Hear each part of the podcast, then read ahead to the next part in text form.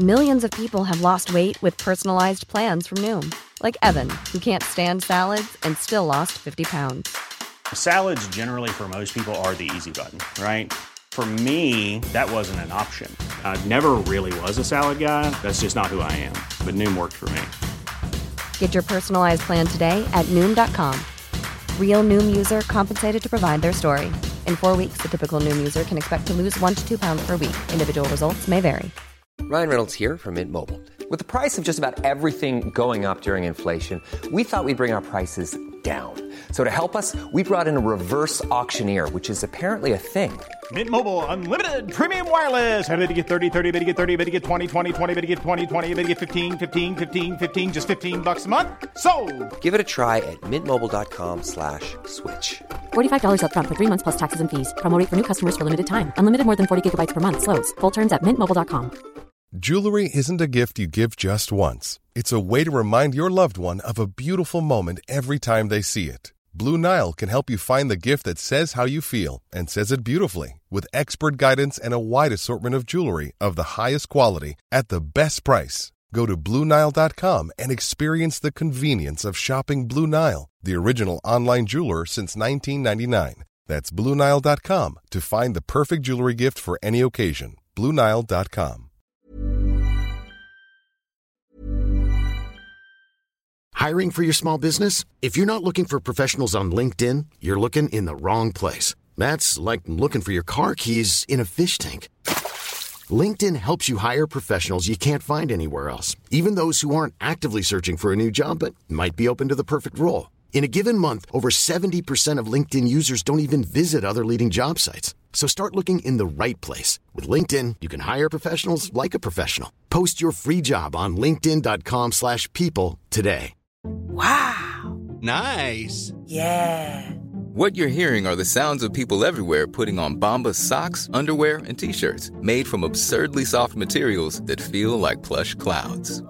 Yeah, that plush. And the best part? For every item you purchase, Bombas donates another to someone facing homelessness.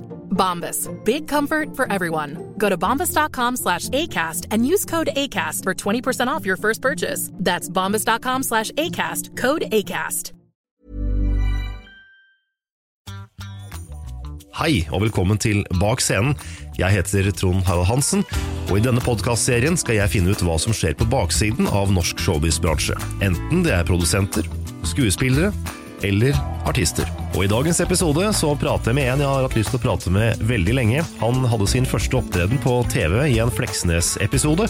Siden ble han rikskjendis med Helmer og Sigurdsson, og siden den gang har han hatt en eventyrlig karriere både med TV, radio, scene og film, og ikke minst tegnefilm.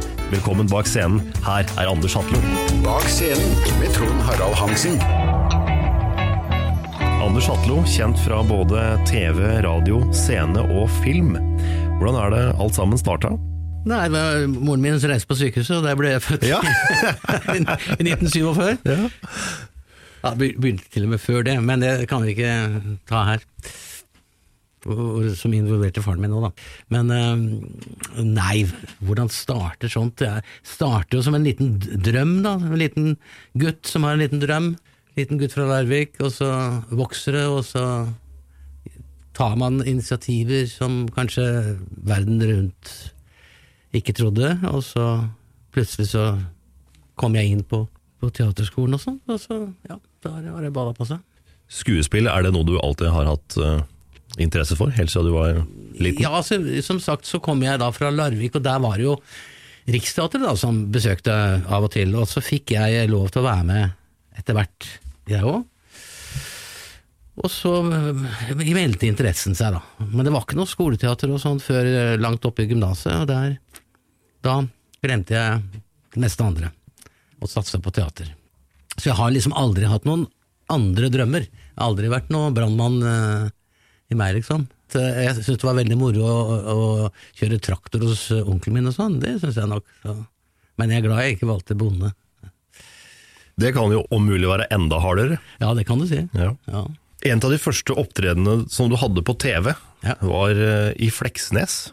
Det stemmer. Det er ikke mange som husker, men det gjør jeg. Fleksnes hadde mista TV sitt. Og jeg var da eh, sønnen i, eh, huset under, altså i leiligheten under, da. Som, så han Rolf Wesenlund hang etter beina i studio, husker jeg, og så på TV opp ned. I etasjen under. og jeg husker at min mor og min yngste bror var i studio. Og det var ute på norsk film. På Jar. Stilig. Ja. Hvordan var det? Ja, Å, det å spille med han? Jo, det, det har jeg gjort seinere òg. I andre sammenheng. Mm. Og, og vi var eh, gode venner, vi. Absolutt. Men det var jo stort, det. Jeg husker ikke når det kan ha vært. Altså i 70 74. 74, ja. Så Ja, du har sjekka det? Ja. ja, det var ganske tidlig, tror jeg, i Fleksnes-serien. ja, Ja. det var det. ja, det stemmer, det. TV-bildet og hva folk tålte å se på TV, det, det var nok eh, det, veldig, veldig mye mer annerledes enn det er i dag. Og som Helmer og Sigurdsson, var det noe revolusjonerende for, eh, Ja, for TV? Det, det, det, altså det skal jeg ikke Men det var jo revolusjonerende for meg, da. Som plutselig eh, var eh, rikskjendis på Over natta? over natta, ja. Fordi at det var jo Alle så på det. Og eh, den gangen så var alle alle. For det var jo bare én kanal som het NRK1.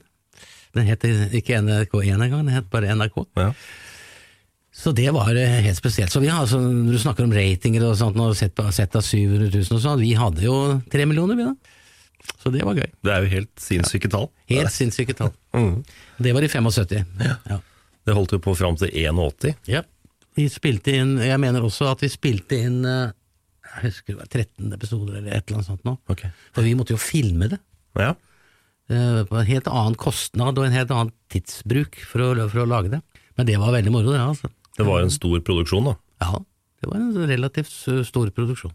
For det er eh, forskjell på å filme med, med film, eller ja. Ja, eller eh, altså opptaksmulighetene nå er så mye enklere, eh, og for samme kvaliteten. Men der var det full film, ikke sant. Så det Men det var spennende. Og det var liksom sånn nesten at vi fikk med Derek, hvis du husker Derek. Han går jo fremdeles. Og, og det var nesten at vi var med i Derek, for det var sånn internasjonalt politiarbeid og sånn. Og det morsomme er jo at uh, vi begynte jo på på det, altså, hva heter det for noe? Eh, Observatorieterrasse?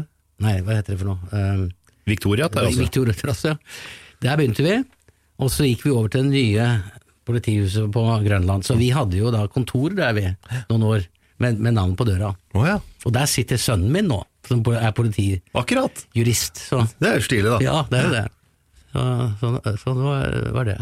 Og så har jeg vært med da siden også som politi i Olsenbanden senior Ja. og junior. Hvordan var innspillinga av Helmer og Sigurdsson? da? Gjorde, gjorde dere mange episoder? eh? Ja, vi gjorde vel, jeg tror jeg gjorde, vi gjorde øh, 13 eller et eller annet sånt noen episoder. Men det, to, det tok jo øh, lang tid, så, så vi var over seks år, eller det du sa? Fra 75 til 81. Så det var moro, det. Absolutt. Og jeg husker jo et eller annet, en eller annen gang vi skulle begynne, så var det jo reine Hollywood. Når vi kom inn i gården der, bakgården på, skulle starte filminga, så var det 20 kameraer som gnistra mot deg, og da følte du deg litt uh, som stjerne, må jeg innrømme. Og så vi måtte passe på å ha bakkekontakten, da. Det har vi jo klart, selvfølgelig. Ja, for når NRK drar i gang med stort apparat, eh, så er det ganske Ja da, det er heftig, det. Ja, det er det. Og det var som sagt det første liksom, store serien de hadde på NRK, eh, og den serien skulle alle se. Jeg, jeg husker en gang jeg kjørte gjennom byen her eh, og skulle hjem, hadde vært et eller annet sted, og visste at den var på, den eh, episoden. Da var det, det var ikke en bil i gata. Det var helt yes. Ja, det var helt, Det helt uh, det var helt annerledes, i hvert fall, enn- enn nå. Ja, det er ikke så lenge siden jeg så Nitimer-mordet. Det var vel en av de En første, tror timemordet var vel den første. Tre episoder. Du sa det jo sjøl i stad, og har gjort eh, politi seinere, både i Olsenbanden og Olsenbanden junior. Mm. I siste stikk. Ja, i siste stikk senior, og så, og så ble vi da overført til junior. Så Sverre Vilberg, som var Hermansen i Olsenbanden, var jo da egentlig min sønn. Fordi at alle, alle disse juniorene, det var jo Olsemannen, og det er jo Hermansen òg. Hvordan var det å liksom eh, det var. foryngre den uh, Veldig gøy. Olsenbanden-skalaen? Og vi har jo altså gjennom årene produsert mer film i meter og minutter enn seniorgjengen gjorde.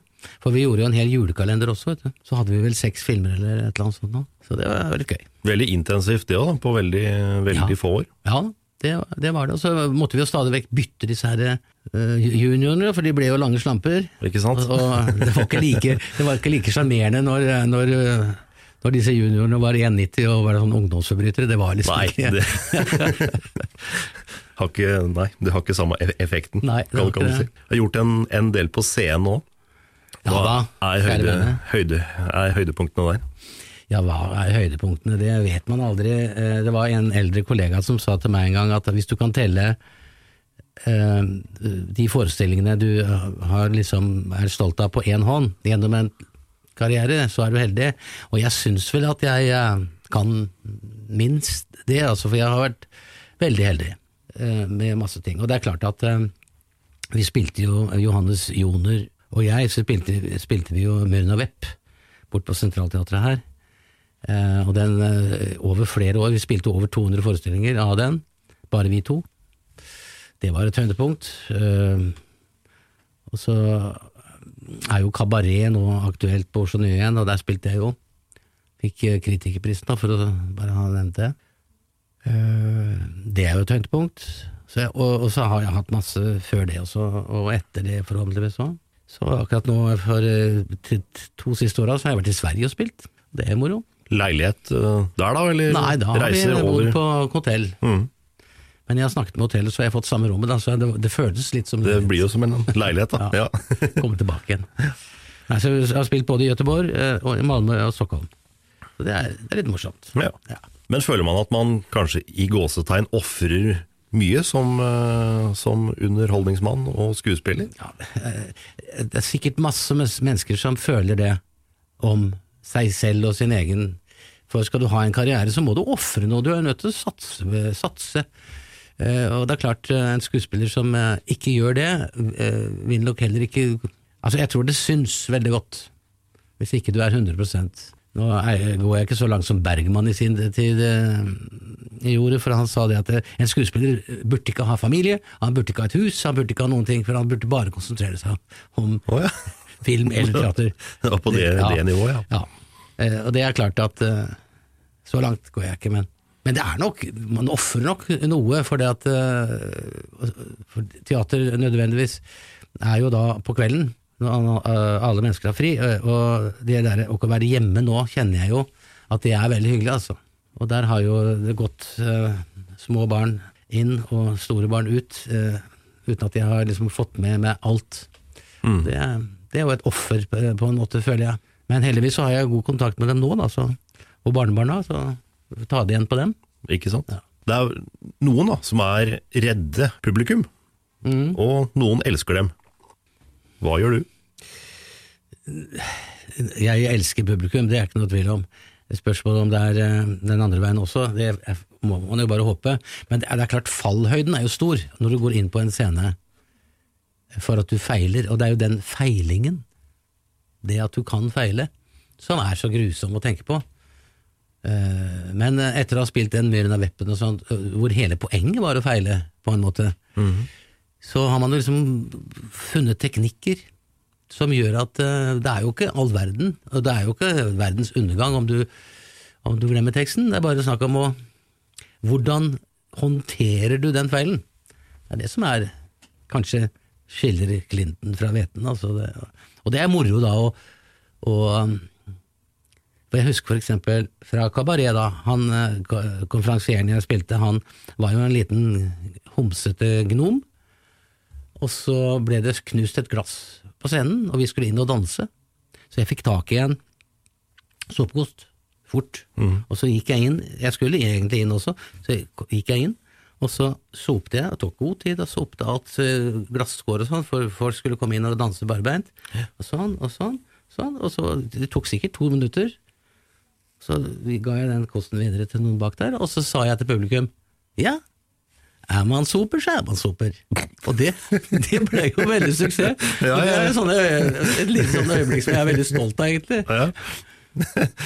Improvisering på høyt nivå. Ja, det var, det var, det var veldig Og det, den der ideen kom bare sånn pang. Ja. Og i munnen av vepp, som sagt, så var det jo, det var jo noe av poenget, da, så det var jo veldig morsomt. Når vi håndterte det ordentlig. Men skjer det ofte at ting låser, låser seg når man Nei, stopper altså, opp? ofte, det kommer an på hva, hva du mener med ofte. Nei, altså jeg eh, går jo gjennom teksten min hver eneste gang før forestilling. Sånn at den er frisk på en måte, og løypa er lagt og sånn. Så jeg vil ikke si det ofte. Jeg tror ikke jeg, tror ikke jeg har brukt suffløse eller sufflør veldig mye i mitt liv. Men det, du, du merker det nå når du blir litt eldre, da, at, eh, at du kanskje liksom, det spøker litt mer for at oh, Tenk hvis jeg glemmer det, liksom. Men jeg har jo nå spilt i Sverige, og der måtte jeg jo lære alt på svensk. Og der er det ikke så lett å improvisere på et fremmed språk, så Og det gikk, det gikk tålelig bra. Jeg tror ikke det var mange ganger jeg glemte hva jeg skulle si. Og hvis, hvis jeg gjorde det, så, ikke sant, så var jeg jo blant gode kolleger, og så det ordna seg. Ja. Ja. Du var jo med i starten av Hotell Cæsar. Jeg regner med at uh, manuslesing der også har bidratt til at man kanskje lærer, lærer seg litt andre måter å huske på, ettersom det er så mye. Ja, men eh, mye tekst har jeg alltid hatt, holdt jeg på å si. På teater også. Eh, og jeg var jo ikke mer med på Cæsar enn 144 episoder eller sånn. Det var bare så vidt innom. jeg jobba Ja, et par år, tror jeg. 3000 og, og noen nå, så det Ja, ja. Eh, og så har jeg også hatt regi på fem. Ja, nei, altså du er nødt til å finne metoder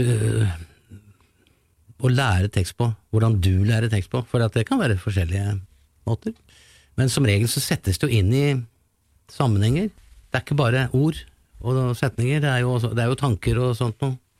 Så hvis den teksten er god, så er det jo lettere å lære. Mens vi er inne på Hotell Cæsar, da. Ja. Hvordan var den tida der? Jeg syns det var veldig bra, og du lærer veldig mye i en sånn sammenheng, for det skal gå så fort. Det er så store mengder. Ja, vi begynte jo tidlig om morgenen klokka sju, og første opptak var åtte, og siste var klokka fem. Og så, så gikk det jo liksom hele dagen, da. så hadde du én time på midten hvor du hadde pause. Eller så gikk du fra scene til scene til scene, og det, det var jo ofte ikke sammenheng mellom de scenene, for det var bare kanskje i samme miljø, samme kontor eller samme hus, eller du var ute. Så det var liksom eh, fra fem forskjellige episoder. Så du lærer veldig mye av det, altså. Men der du lærer yrket mest og best, det er nok på teatret foran et publikum. Derfor så har jeg alltid liksom eh, sagt det, at, at eh, teatret er utgangspunktet. Det er ikke så lett å komme liksom fra film og til teatret. For da Det er hele om, omvendt, eller? Ja, omvendt, tror jeg absolutt. Så moderhuset er teatret. Hotell Cæsar var jo revolusjonerende for sin tid. Absolutt. Folk hadde jo aldri opplevd noe sånt før. Nei. Fem dager hver uke. Fem dager hver uke. Hvordan var responsen fra seere og Jo, altså, menig, eh, menigmann? Det som er, det som er eh, TV, og forskjellen på TV og teater, er jo at øh, folk lever seg sånn inn i TV at de tror at du er sånn. Jeg kjenner jo Toralf Maurstad veldig godt, og vi har jo kjent hverandre lenger enn Hotell Cæsar. Men eh, jeg var jo hans motstander i Hotell Cæsar, og vi var ute og spilte golf for eksempel. Da var folk sånn Kan dere spille golf sammen? Eh, fordi de trodde liksom at vi var uvenner. For, og, men det ville aldri vært sånn på teatret, selvfølgelig. Nei. Men på TV er det sånn. Er det pga. at dette er så Eller altså, du blir så veldig eksponert, da. Om at uh, du som slipper inn som Harald Hildring dag etter dag etter dag, Ja. at man liksom får det inntrykket at eh, Ja, dette at det er jo er han. sånn, ja. Det er klart, det. Men jeg kan forsikre at det er ikke sånn. Det er bra. Men det er vel også litt artig, da, å leve ut den, og, og være litt jævlig. Det er klart at sånne drittsekker eh, og skurker på, på film og TV, og også på teater, er som regel veldig gode roller. Og det er deilig å, å få lov til å eksponere det, som du sier. Den sida av Det er klart. Og jeg har hatt sånne roller før og, og seinere også. Både på ja, Særlig på teatret, da. Får du lov til å eksperimentere med det her sjøl, eller er dette fastsatt åssen du skal Nei, du- være, du eller er kan du leke? Det er jo din tolkning, så du, du tolker det, og så får du selvfølgelig input fra, fra situasjonene og fra instruktøren, selvfølgelig. At du gjør sånn og sånn og sånn. Eh, Og så kan det være Det er jo samarbeid, og så kan du bryne deg opp mot det, og så kan du være enig og uenig, og sånn er det å arbeide. Det er jo det som er det moro, men, men det som vi pleier å si, da, særlig når vi er instruktører, det er at vi ser deg utenifra, og det kan ikke du klare selv. Derfor må du ta, stole på meg. Og noen, eh, noen instruktører stoler du mer på enn andre, selvfølgelig. Du har jo instruert veldig mye tegnefilm. Ja, det har jeg. Der har jo, der har jo liksom Forskjellen på det er jo at du har en eh, amerikansk master, stemme bak, eh, som eh, hjelper deg, liksom. Mm. Men det skal gjøres, det òg. Men den oversetting av tegnefilm, det har holdt på med siden, eller instruksjon, og da legge på nye stemmesettet. Ja. Ja. Og oversettelse. Og oversettelse. Ja. Har holdt på med siden 80-tallet en, en, en gang. Ja, ja, kanskje før òg. Jeg husker ikke, men eh, det har du sikkert mer greie på. Jeg tror, jeg tror 1985, men jeg er ikke, er ikke Nei, jeg tror nok det er før det. Ja. Ja. Men den utviklinga på den tekniske sida gjør jo at det er mye enklere å oversette ting i dag Mm. Ja, enn det var da. Ja. Hvordan foregikk det her da? Nei, altså det, det var som du sier en helt annen teknikk. Det var kvartomsbånd, og det var breiebånd, og det var, det var liksom helt annerledes enn, enn det vi har i dag, hvor du bare trykker på knapper og kan delete, og det, det, altså det er jo så mye, mye enklere. Så det var mer jobb, det tok mer tid, og gjorde du en feil, så måtte du liksom begynne kaste bort to minutter, for du måtte ta det om igjen. Og så var vi jo flere i, i studio, og litt sånn forskjellig. Nå er det jo én og én. Gjennom tre filmer så har du vært en fugl, eller opptil flere fugler. Ja, Hva er det for noe med deg og fugler? det vet jeg ikke. Helt tilfeldig? Eh, nei, det var vel altså, vi, altså Alle stemmeprøver ble jo sendt til Hollywood, og så ble det godtatt. Og da er det vel, det er vel noe med dem der borte da, som så hører at jeg er en fugl. Jeg vet ikke, men det er mange, jeg har vært masse fugler, altså, det må jeg innrømme. Ja. Så det er jo moro. Opplever du barn som et mer takknemlig publikum? Veldig, barn er veldig kritiske, og, og spille for barn er utrolig inspirerende. For det at eh, hvis du ikke treffer, så bommer du noe så voldsomt. Så eh, Jeg har jo vært på Nationaltheatret i mange år også, og så husker jeg vi spilte Brødrene Løvehjerte. Og jeg var jo da Tengels, Tengels slemmeste mann, som skulle arrestere da kavring av broren. Så, og, og så var scenografien slik at uh, jeg red på en trehest, altså en pinne med hodet på, over Nationaltheatrets scene, som, som slem uh, kriger. Og salen var full av barn, og så red jeg over scenen, da. Og så setter jeg hesten fra meg, og så arresterer jeg, får jeg mine menn til å arrestere disse to guttene, og så rir vi ut igjen. Og så jeg kommer nesten over på den andre siden, så merker jeg at jeg har glemt den trehesten. så må jeg da gå tilbake og hente den hesten, og så ri ut. Og du vet den derre blandinga der, med, med, med barn som eh, hater deg, og alt det der dumme som går med huet igjen, der, nei, det var ubetalelig. Det vil jeg tro. Ja. Ettersom du har holdt på med tegnefilm i så mange år, merker du noe av den generasjonen som begynner å bli 30 år i dag, og, så, og som får unger sjøl, som liksom Ja da. Ja, det er husker jo- deg ifra da? De, de kommer jo bort og sier takk for at du har vært barnevakt og sånn, det, det er jo det er mange som husker min stemme gjennom uh, tegnefilmer. Det er det.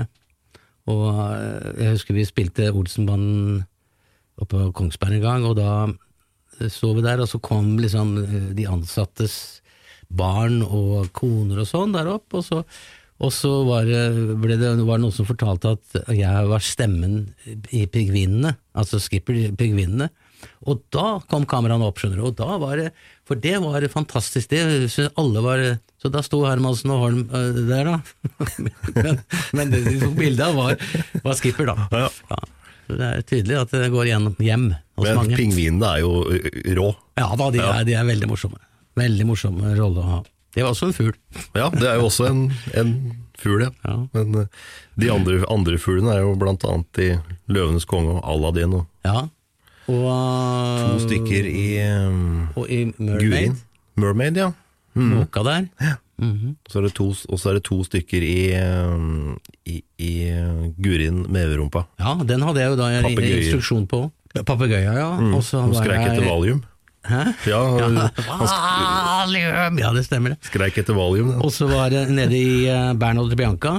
De fløy jo med med en eller annen sånn hva, hva heter den fuglen, da? Falk? Nei, ikke falk, det var sånn med, med sånt nebb. Altså sånn, Ja, nei, jeg vet ikke. Nei, det samme- den spilte jeg. det var sånn jumbojet på den. Mm. Morsomt. Men instruksjonen på Gurin med reverumpa, Ja. der òg var det jo et A-lag med skuespillere Ja da. innom. Wenche Foss og Ja da. Hun var jo Engelskjøl glad. Ja. Det var veldig moro, det. Var det enkelt å, å, å få sånn type skuespillere til tegnefilm, da? Nei, altså, jeg husker en gang vi gjorde Skjønnheten og udyret, Beauty and the Beast, og så ringte jeg til Wenche Foss, som jeg har jobba med mange ganger på Oslo Nye. Eh, har du lyst på en rolle i en tegnefilm? Å nei, gud, Anders, jeg har gjort så mye, jeg har gjort så mye sånne ting, og jeg, jeg, jeg har gjort alt. Har du vært tepotte noen gang, sa jeg. Nei, gud, det har jeg ikke, det har jeg lyst til. Og dermed så fikk jeg henne med, da, som tepotte. Og det var litt moro. Vær stille. Ja. Som tepotte, Ja. faktisk. Du har også gjort en del eh, radioteater. ja, det er jo noe som heter radioteater òg, ja. Det syns jeg er eh, veldig fint å høre på. Er det like fint å spille? Altså, jeg må si jeg alltid syns at det er spennende med radioteater. For jeg syns det appellerer sånn til fantasien, og bildene er best på radio, heter det jo. Og det er de jammen meg veldig ofte. Jeg hørte radioteatret for første gang jeg var en 13-14 år, og det var et stykke du var med i. Okay. Det gikk da i reprise og het En fremmed i min grav. Det er kanskje litt spesielt for en 14-åring å synes dette er veldig interessant, men, jeg, men, jeg, men jeg synes det var veldig spennende. Ja. For det får jo også fantasien i sving, da. Jeg, jeg, jeg eh, sverget på at jeg aldri skulle nevne det for noen. Jeg kan nevne det for deg, da. At jeg satt i bilen en gang. Og så, ikke sant, du, Det kommer jo sånne repriser av og til, da. Og vanligvis så spiller jo jeg på bokmål, og så hørte jeg på et stykke om noen guder og noe sånt noe, som var på nynorsk. Og så hørte jeg en stemme som jeg tenkte mm, han var egentlig jævlig god. Veldig bra. Veldig bra, altså. Kjempelurer på hvem det er. Og så, og så var det jeg selv som snakket nynorsk. Så tenkte jeg det her må jeg aldri si til noen. Hadde du glemt det da, eller? Ja, for det var så lenge siden. Ikke sant? Så gjør eh, ganske mange ting, så kan det hende at du glemmer eh, det. Og det hadde jeg da glemt. Og satt sikkert og tenkte på noe annet. Han var flink, han. ja, han var god, altså. Ja. Stilig. Ja. Men det å spille inn hørespill, det er jo noe helt annet enn eh, enn å spille på teater. Hvordan er det den eh, prosessen foregår? Nei, den foregår jo for så vidt eh, ganske enkelt at du får et manus, og så spiller du inn, har du en instruktør, og så spiller du inn de episodene. da. Nå er det lenge siden jeg har vært i Radioteatret, for det, er vel ikke så mye som foregår der nå. Nei, jeg tror de har uh, kutta ned veldig mye. Jeg tror det er én produksjon i året, eller noe sånt. Ja, noe sånt. Så den gangen var det jo en, en eh, inspisient da, som gikk og laget lyder og, og dører og, eh, og sånt. eh, Og i studio oppe i NRK så sto jo alle disse gamle bildørene og dørene som knirka og trappene og ja. Jeg var der for to uker siden på, Ja. sånn, eh, på sånn omvisning, og det var jo kjempegøy å liksom se det, det Ja, ja. studio med så mye historie. Ja. Og den trappa, som du sier, som er delt i Med tre. steintrapp og tretrapp og Ja, i tre, ja. Stemmer det. Og da fikk vi jo greie på også, det er litt morsomt da, vet du hva som ligner mest på en hammer som går gjennom et hode, som blir slått i et hode? Det er, vi, vi laget jo krim der òg. Det er hammer som går gjennom et kålhue. Akkurat! Det er den samme lyden, sa han. Uten at jeg vet hvorfor han visste det, men Uh... Vi blei fortalt det at lyden av peis, den lagde man med å gni en sånn tepose. ja. Så det er mye ja. juks. Ja da, men det er mye som appellerer til fantasien, og det Ikke er jo fint. Så det er ikke noe moro hvis du sitter og tenker oi, nå er det en tepose de gnir mot mikrofonen, men eh, da tenker du det er peis. Mm. Og det er også det man skal gjøre. Ja. Du spilte også i noen filmer med Vam og Vennerød, Ja. og en film eh, som jeg også så for ikke så veldig lenge siden, kom i 89. Bryllupsfesten. ja. Fortell litt om den. Ja, nei, det var eh, morsomt. Og det som var liksom spesielt, da, det var at vi eh, skulle spille med Ernst Hugo Gjærgaard, en stor skuespiller. Så eh, hver morgen så møtte jeg jo Ernst Hugo Gjærgaard, da. Det var litt stas, det må jeg si. Og så eh, Vi hadde jo et stort bord med hvor vi spiste hummer, og det er, hummer er jo godt. Men i film så er det jo slik eh, er det jo sånn at det heter Altså det må være kontinuitet i bildet. Sånn at vi ble jo ikke ferdig med hele den middagsscenen. Så dagen etterpå så måtte ingen røre bordet, og så måtte dagen etterpå så kom vi jo Og da lå alt sånn som det, det lå dagen før.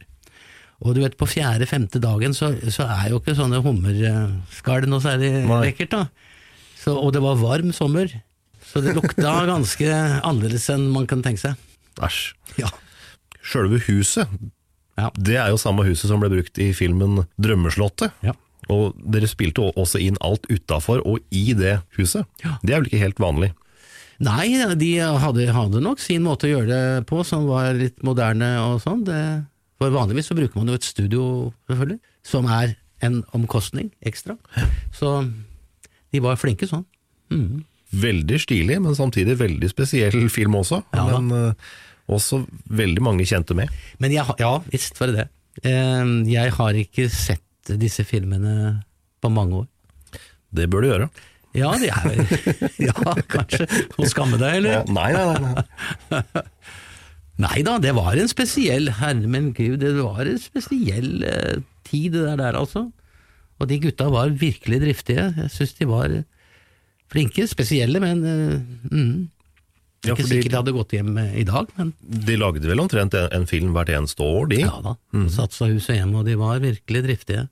Satse hus og hjem, det er det ikke så mange som eh, Nei, men det var lenger. nok en del som gjorde det den gangen, altså, for dette koster jo penger, og de må og, og låne penger, de må jo ha garanti, og så videre.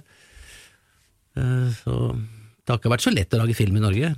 Jeg sier ikke at det er lett å lage film i det hele tatt, men eh, det er nok ordninger etter hvert som gjør det litt enklere, kanskje, jeg vet ikke. Hvilken film er den uh, filmen du synes har vært finest å være med i? Det som, det som på en måte Ja, det tåler vel nesten ikke gjensyn, dere, men jeg, jeg syns jo liksom Helmer og Sigurdsson var ordentlig gjort, på en måte. Eh, ellers så tøker jeg jo liksom klassifisere disse filmene. Nå ligger jo alle de ute på, på nettarkivet til NRK. Alt, okay. alt med Helmer og, og Ja, men, eh, men filmer, da? Hvor ligger de igjen? Spillefilmer tror jeg nok du skal slite med å, Ja. å finne, men akkurat de Helmer og Ja. Sigurdsson-episodene og filmene eller det, det, Og TV-teater også, kanskje? Ja, TV-teater ligger, ligger der. Radioteater. Ja. Jeg skryter ofte av arkivet til NRK, for det, Ja. det syns jeg er blitt veldig, veldig bra. De har jo begynt å legge ut alt som Mm. ble utgitt, eller fra, som er sendt fra starten til og med 1997. ja, men det er bra, altså. Så der eh, satt jeg blant annet en kveld og så på Aksjemordet.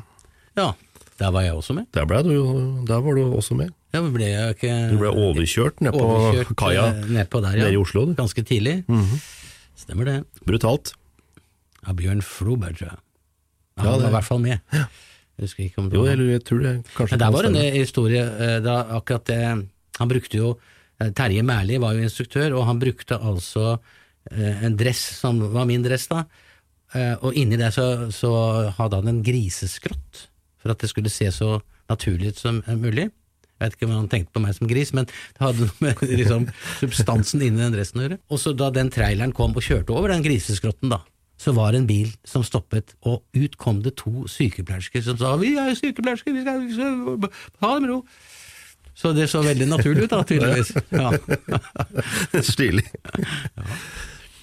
Men er det mye sånn Eller selvfølgelig er det jo det, men er det noe juks ifra TV og film du har lyst til å Ja, altså dele? Filmtriks har vi jo hørt om, så det er klart det, Det er ikke noe hemmelighet, det er ikke noe hemmelighet, det. Nei, det må det jo være, det. Og, og stuntmenn og alt sånt noe. Jeg husker vi hadde en stuntmann en gang i Helmer og Sigurdsson, var vel det, som, som hadde gjort et eller annet stunt for en eller annen film, så han gikk på krykker. Han hadde, han hadde knust begge eh, hælene, tror jeg. Men eh, han var stuntmann for oss, og da kasta han krykkene, og så løp han og kasta seg ut over en eh, veranda og ned på en svær eh, haug med kasser og hva det var for noe. Så det er veldig De står på. Ja, det Arbeidsmoral. Ja. ja, altså filmtriks eh, Jeg husker jo at i um, Olsenmann junior så skulle jo Hermansen og Holm uh, Altså uh, Olsenmann junior på sirkus. Så var vi oppe på en trampoline, og da var det to uh, stuntmenn, ordentlige akrobater da, fra et eller annet sirkus i Øst-Europa, som var Men da måtte vi jo henge oppunder taket og sånn. Det var uh, Ja, det var ikke noe farlig, tror jeg, med for helsa, men uh, vi måtte jo Det kilte litt. Det kilte litt. Ja. det gjorde det. Det gjorde det faktisk. Men var det ofte at man gjorde stunta før Eller at, at man gjorde stunta sjøl før? Ja, Det kommer an på stuntet, selvfølgelig, eh, men, men eh, du kan jo tenke deg hvis en produsent har, eh, har eh, en film som koster masse penger, og du har en svær rolle, så kan ikke han risikere at eh, det går utover helsa. Så, så det var vel ting du ikke fikk lov til, rett og slett. Mm. Mhm. Men jeg tror liksom, hvis du går veldig langt tilbake i eh, amerikansk stumfilm og sånn, så var det nok en del som tok stuntene sjøl. Jeg veit at Olsen-banden gjorde jo en del sjøl. Arve Oppsal blei jo senka ned i sjøen og litt av hvert, da. Ja. Og, og den derre det bilknuser Bilpressa, ja. ja. Bilpressa. Den uh, har jeg hørt både fra Arve Oppsal og, eh, og uh, andre. uh, at det var helt ekte. Det, var, det gikk ett skritt fram, mm. og så gikk den ned.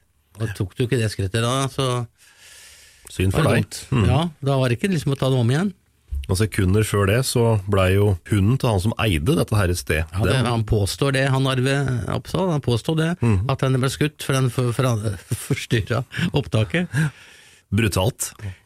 Ja, men om det, var, om det var sånn, det vet jeg ikke. Men jeg, jeg har ingen grunn til å tro at det ikke var sånn. Liksom. Det kan, kan det ha hendt, det?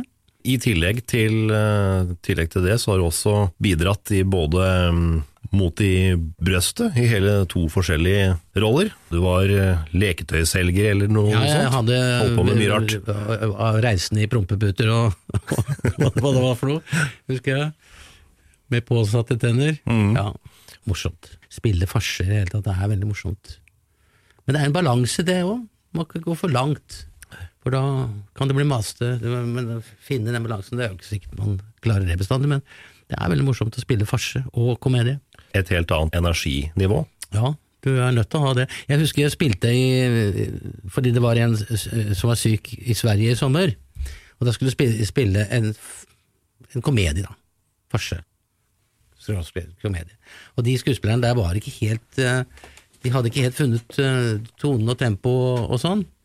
For de var litt sånn analytikere, de skulle analysere og sånn og sånn. Og så kom jeg inn, og så sier han eh, Claes Mannberg, da, som spilte hovedrollen, nå, kjør, nå bare kjør, gjør akkurat sånn som du føler. Og jeg, jeg syns det var litt hyggelig da å kunne konstatere at eh, stykket ble 35 minutter kortere. Og det var bare energinivået. Som ble økt. Ja, og det var litt morsomt. For det er, du er nødt til å ha det eh, på en helt annet Og det er noe annerledes på, på teatret enn på, på film også, det da, men eh, det er klart du må ligge foran publikum. Og hvis de ligger foran deg, så sovner du jo. De må ikke vite hva du skal gjøre. Det er jo overraskelsen hele tida som gjør det morsomt. Men etter å ha holdt på så mange år, hvis du ser tilbake igjen, hva er det, er det fineste du har vært med på? Nei, det må jo være få, å få barn og barnebarn. Men uh, det var vel ikke det som var spørsmålet, kanskje. Men det er også, det er også med. Ja. Ehm, ellers så, så er det klart at jeg føler vel at jeg har vært veldig heldig. Uh, at jeg har jobba veldig mye. Og eh, derfor blir liksom overgangen fra For nå er jeg liksom ikke ute av det, men jeg er ikke ansatt noe sted. Liksom den derre Den blir en veldig Kan fort bli oppstå et tomrom som eh, man ikke er vant til.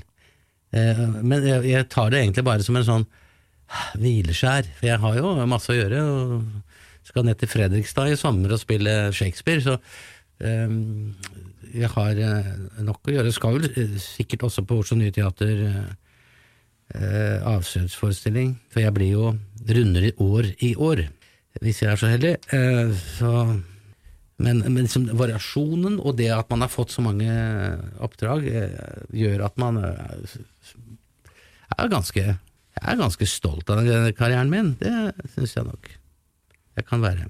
Det må være lov. Ja, jeg sier ikke til så mange, men eh, Nei, så får vi jo si at det viktigste nå er jo å beholde helsa og, og sånn, og så har vi seks barnebarn som vi koser oss med, og ja, så vi har det, vi har det egentlig veldig fint. Nå som du er eh, sjølstendig, da, er man da mer oppmerksom på å skaffe seg jobber, eller kommer de eh, Nei, Altså, jeg gjør ikke så veldig mye for å skaffe meg jobber, eh, men det, det kommer jo heldigvis noen. Og så har jeg jo Fire stjerners middag, som eh, nå går på niende sesongen, og skal også ha en tiende sesong, i hvert fall. Uh, så, og det er jo veldig morsomt. Og så er det, ringer det heldigvis telefoner, senest i går kveld, som jeg akkurat nå har gjort en sånn liten jobb. Og så, mm. ja, I morgen skal jeg gjøre noe, fredag skal jeg gjøre noe. Så det er bra. Ja. Mm Jeg regner med det blir litt ekstra oppmerksomhet med Firestjerners middag? Ja da, det, du har jo en sånn det artig det, sånn innspill der. Ja, Det går jo hver, hver kveld på TV Norge. Ja.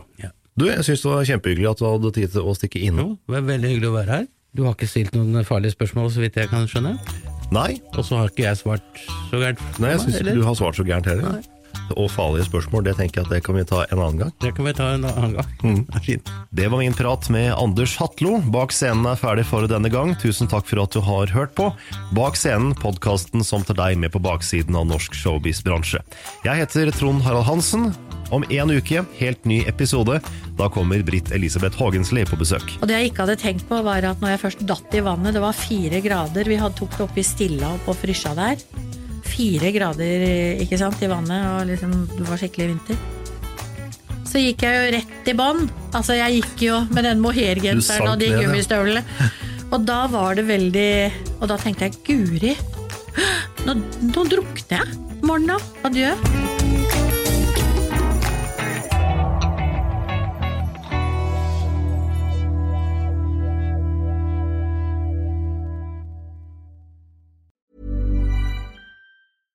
Hey, it's Paige DeSorbo from Giggly Squad. High quality fashion without the price tag. Say hello to Quince. I'm snagging high-end essentials like cozy cashmere sweaters, sleek leather jackets, fine jewelry, and so much more. With Quince being 50 to 80% less than similar brands. And they partner with factories that prioritize safe, ethical, and responsible manufacturing. I love that. Luxury quality within reach. Go to quince.com slash style to get free shipping and 365 day returns on your next order. Quince.com slash style.